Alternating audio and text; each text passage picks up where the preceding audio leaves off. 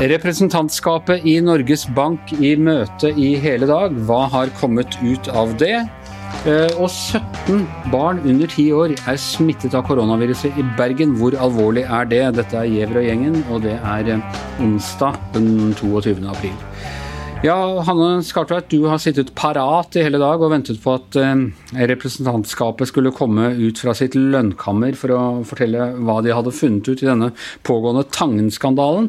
Eh, og det blir alltid mer spennende jo lenger tid det går, men litt antiklimaks da vi endelig fikk høre hva de hadde å si? Ja, jo, vi trodde at det skulle ta en time, kanskje to, dette møtet. Det tok altså fem timer. Eh, de fikk ikke gode nok svar, så det blir eh, nye runder. Og Øystein Olsen, som nok fikk kjørt seg ganske hardt i dag, må komme tilbake med skriftlig Som er sentralbanksjef? Sentralbanksjefen, ja. Som er leder for hovedstyret som har ansatt Nicolai Tangen. Ja, han må komme tilbake med skriftlig svar til representantskapet. Men hva er, det, hva er det han må svare på? For han har ikke vært på vært på tur og hørt på Sting og gjort alle disse forferdelige tingene? Ja, han er veldig lite typen til å dra på. han er en veldig lite eh, si, tant og fjas-fyr. Han er en veldig nøktern eh, embetsmann. Eh, men han har jo da vært eh, ansvarlig for ansettelsen av eh, Nicolai Tangen og måtte nok svare på spørsmål om hva de egentlig har spurt Tangen om. Har de gått dypt nok inn i hans privatøkonomi, og hvordan har prosessen vært? Og så fikk han også spørsmål om Yngve Slyngstad sin deltakelse på dette seminaret i fjor høst. Nå føler jeg at du holdt på å si Yngve Kvistad, vår kollega, men, eh, men han, har, han, er uskyldig her. Han er helt eh, uskyldig. Men, eh, men, er det sånn at det nå at noen benytter sjansen, eller at det blir en slags omkamp om ansettelse av Tangen. Fordi eh, han har vel strengt tatt ikke gjort noe gærent her. Det er lov å, servere og arrangere dyre seminarer med, med Sting og, og, i det hele tatt, selv om, selv om det kan være litt uh, Hva skal man si? Upassende. Ja, Med Sting eller seminaret, tenkte du nå, Anders? Ja, jeg skal ikke jeg ri min Sting-kjepphest, men, men, men, han, Tangen har vel egentlig ikke gjort, gjort, noe galt her. Han er jo egentlig også ganske framifrå og åpen i, i, de sammenhengene hvor han uh, blir intervjuet. Er, det er, vel helt andre enn han som egentlig må uh, stå til rette her. Ja, det I seg selv å invitere til seminar, sette i gang eh, sammen spennende paneler, invitere gode venner på mat og drikke, det er jo ikke galt.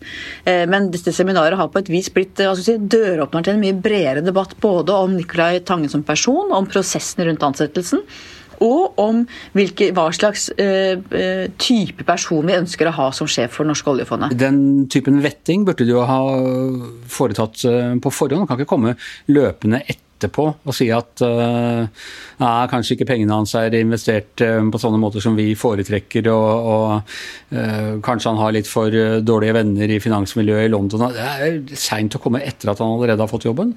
Ja, men Det som er veldig overraskende med den saken, er jo at man ikke på forhånd fra Norges Banks side gikk helt i dybden både på som, hvordan økonomien hans var satt sammen, og ikke minst hvordan han som nytilsatt oljefondsjef og Norges Bank i fellesskap skulle finne ut hvordan han skulle håndtere håndtere dette på ryddigst mulig måte. Den jobben har de altså ikke gjort ferdig, og det vil jeg tro er noe av grunnen til at det tok såpass lang tid med det møtet i dag. At dette ønsker representantskapet å få svar på. Astrid Mæland, hva tenker du om dette? Um, det er litt forskjellig for, de forskjellige involverte. Jeg syns det er vanskeligst for dem som har brutt uh, regelverket. For offentlig ansatte som har tatt imot uh, flyreise og hotellopphold og uh, ja, luksusseminar. Som de åpenbart ikke skulle ha gjort. Eh, nå er det jo flere som har innrømt feil, og nå, samtidig som de prøver å si at det seminaret var helt topp og ingen problem, så løper de jo til Eh, til, med Vipps-kontoen til vår alles Vipps-konto da, skal betale tilbake. Så det er noe rart som har skjedd her.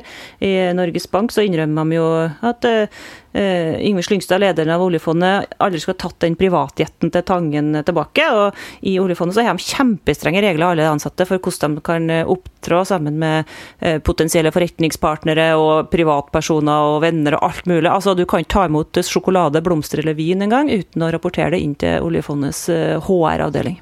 Ja, og, og, og, det er jo litt av greia.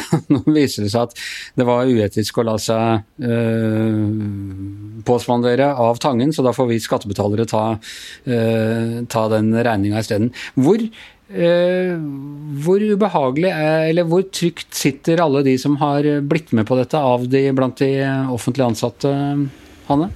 Ja, Det er et uh, godt spørsmål. Uh, det er klart at Regjeringsadvokaten har jo virkelig et problem nå. Statsråden Torbjørn Røe Isaksen har et problem. Det er mange, særlig de offentlig ansatte, som er, nå sliter. Det er veldig rart hvis du etterpå Eh, kommer og skal ha eh, betalt tilbake. Det er i forkant en sånn vurdering må skje, og så må du se er det riktig faglig sett at jeg i min rolle deltar her eller ikke. Nå skal det sies om Fredrik Sejersted, regjeringsadvokaten, at han er jo kanskje den som er aller mest uh, si, oppriktig i sin uttalelse om at dette er en nær venn. De gikk jo sammen på russisk kurs for 19 år siden, har vært hverandres forlovere, gjensidig fadder osv. Så, videre, så han holder fast på at dette var privat. Men det er klart at både i politiske miljø og i juristkretser så er det mange som mener at det var veldig uklokt av han allikevel å være med på dette. Og så er det vel også sånn at han har opptrådt på seminaret som regjeringsadvokat. Han har sittet i et panel og ledet noen paneldiskusjon, og da har han vært presentert som eh, regjeringsadvokat fra Norge. Eh, så da måtte han jo ha vært der som Da måtte det stått at han er kompis av eh, seminarlederen. Og ikke, da kan han ikke bruke de kredensialene, kan han det?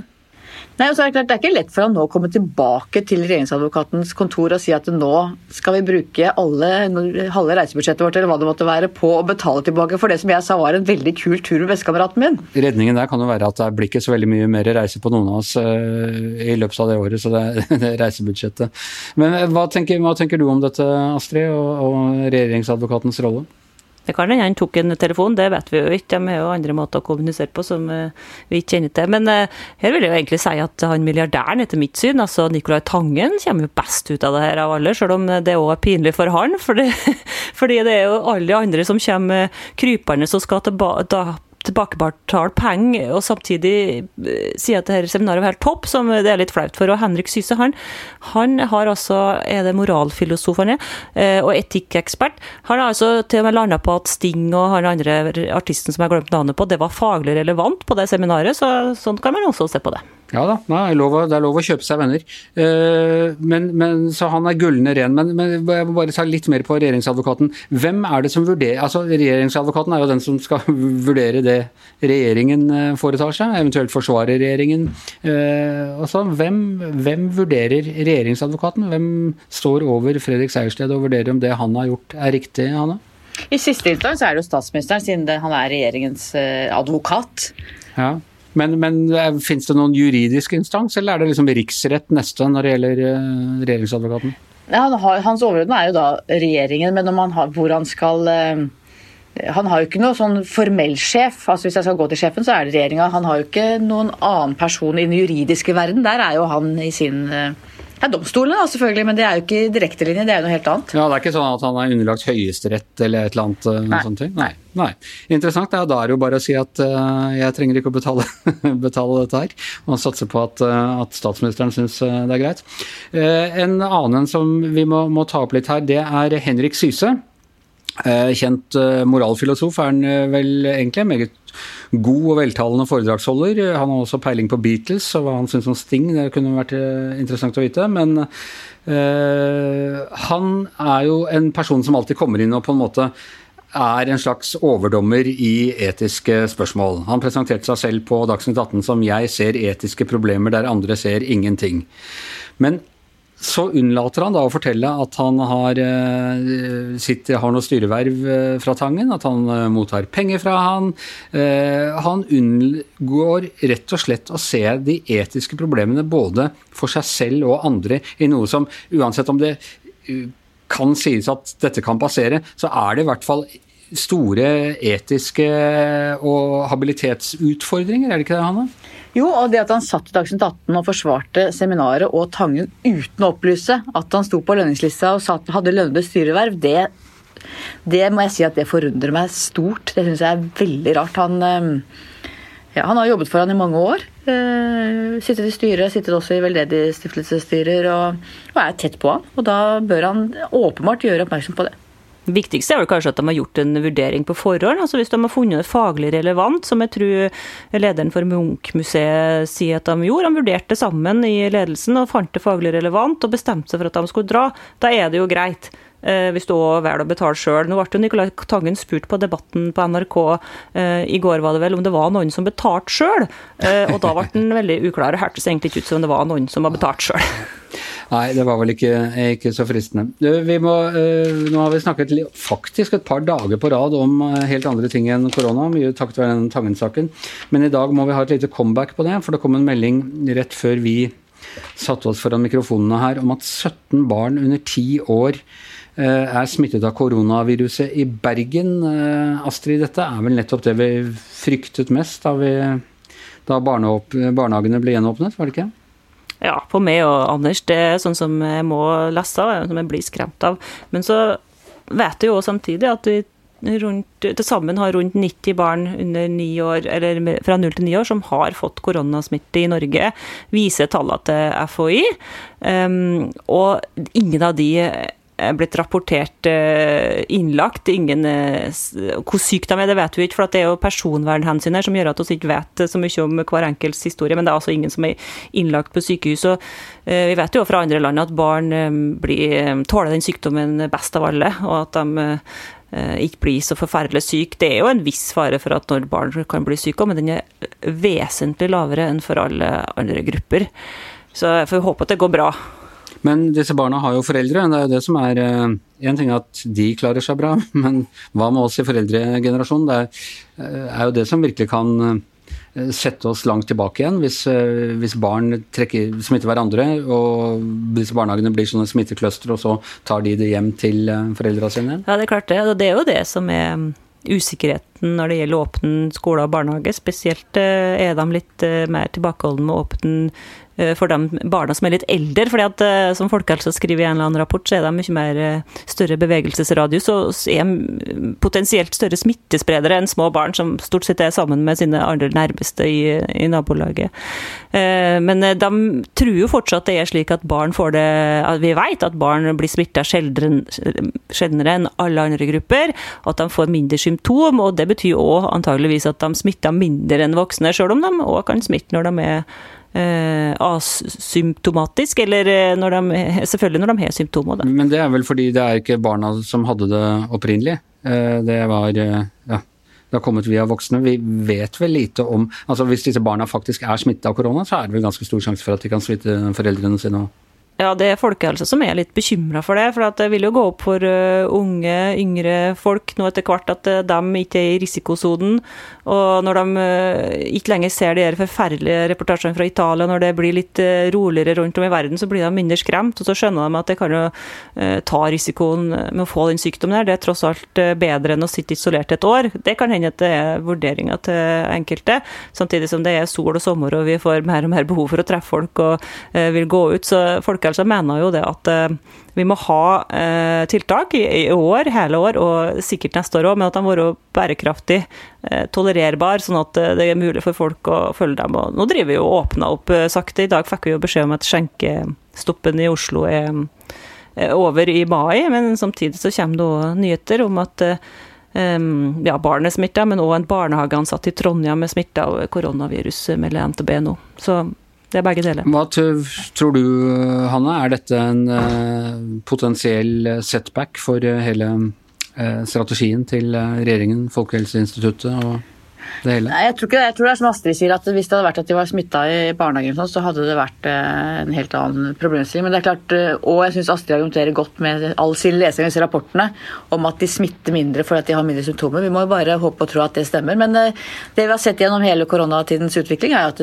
veldig mye er veldig usikkert. Ja. Ja, skjenkestoppen. Noen av oss var glad for det, Hanne. Vi har jo diskutert den skjenkestoppen litt. Det har vi, og jeg var skeptisk til den. Jeg mente at det var et for drastisk tiltak å ta og stenge alle skjenkestedene i Oslo.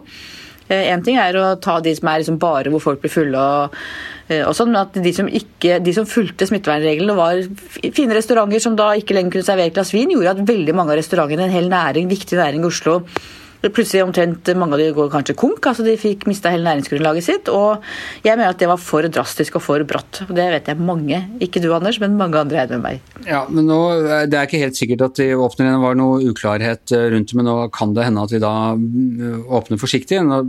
Hvis du driver en dyr restaurant, så må du ha et visst belegg før det, før det lønner seg å eh, å holde åpent. Og det er jo noe med endret atferd der òg, som ikke bare Det er ikke sikkert at de akkurat ville hatt smekkfulle hus hvis ikke Raymond hadde stengt dørene. Nei, absolutt ikke. Jeg var faktisk i påsken på Thief og spiste middag eh, med mannen min. Og det var veldig få i det lokalet. Og det var, jeg må innrømme at det var litt kjedelig å spise middag på fin restaurant uten et eneste glass vin. Også. Men nå kan, nå kan det bli forandring for det. Vi er på vei tilbake til normalen. Hva må R-en bli før at de stenger ned igjen, Astrid? Jeg tenker at Det som er spennende nå, er hva slags strategi regjeringa egentlig har. For de kaller jo strategien sin for slå ned-strategien, og det er definert som at en infisert person skal smitte færre enn en ny. Eh, det vil jo forandre seg etter hvert som vi åpner samfunnet må jo være slik at flere blir smitta, og man må akseptere flere syke. Det sier også FHI sin nye risikorapport. Men hva er det egentlig regjeringa mener? Nå har de jo slått ned. Hva er exit-strategien? Vil de akseptere økt smitte, eller vil de begynne å stenge barnehagene igjen eh, når smitten kommer over en viss eh, R, som de kaller smitteraten, som er nå på 0,7, har rundt vært litt lavere. Ja. Når den kommer på 1,1, hva er det egentlig de mener? Det er jeg spent på. Uh, ja, uh, Trump mente jo at uh, viruset kanskje bare ville forsvinne helt magisk når det ble varmere i været. Uh, Hanne, hva er det du vil si? Det var faktisk det som skjedde med spanskesyken for 100 år siden. At den gikk veldig ned om sommeren, men så kom den mye kraftigere og mye mer dødelig tilbake på høsten. Så da er spanskesyken litt som Giæver og gjengen. Vi forsvinner magisk nå, men vi kommer enda sterkere tilbake i morgen. I dag har vi hatt litt tekniske problemer som dere lyttere heldigvis har uh, gått glipp av. I hvert sitt studio Hanne Skartvedt, Astrid Mæland, Anders Giæver og vår uh, ubestikkelige uh, podkastprodusent Magne Antonsen. Takk for oss.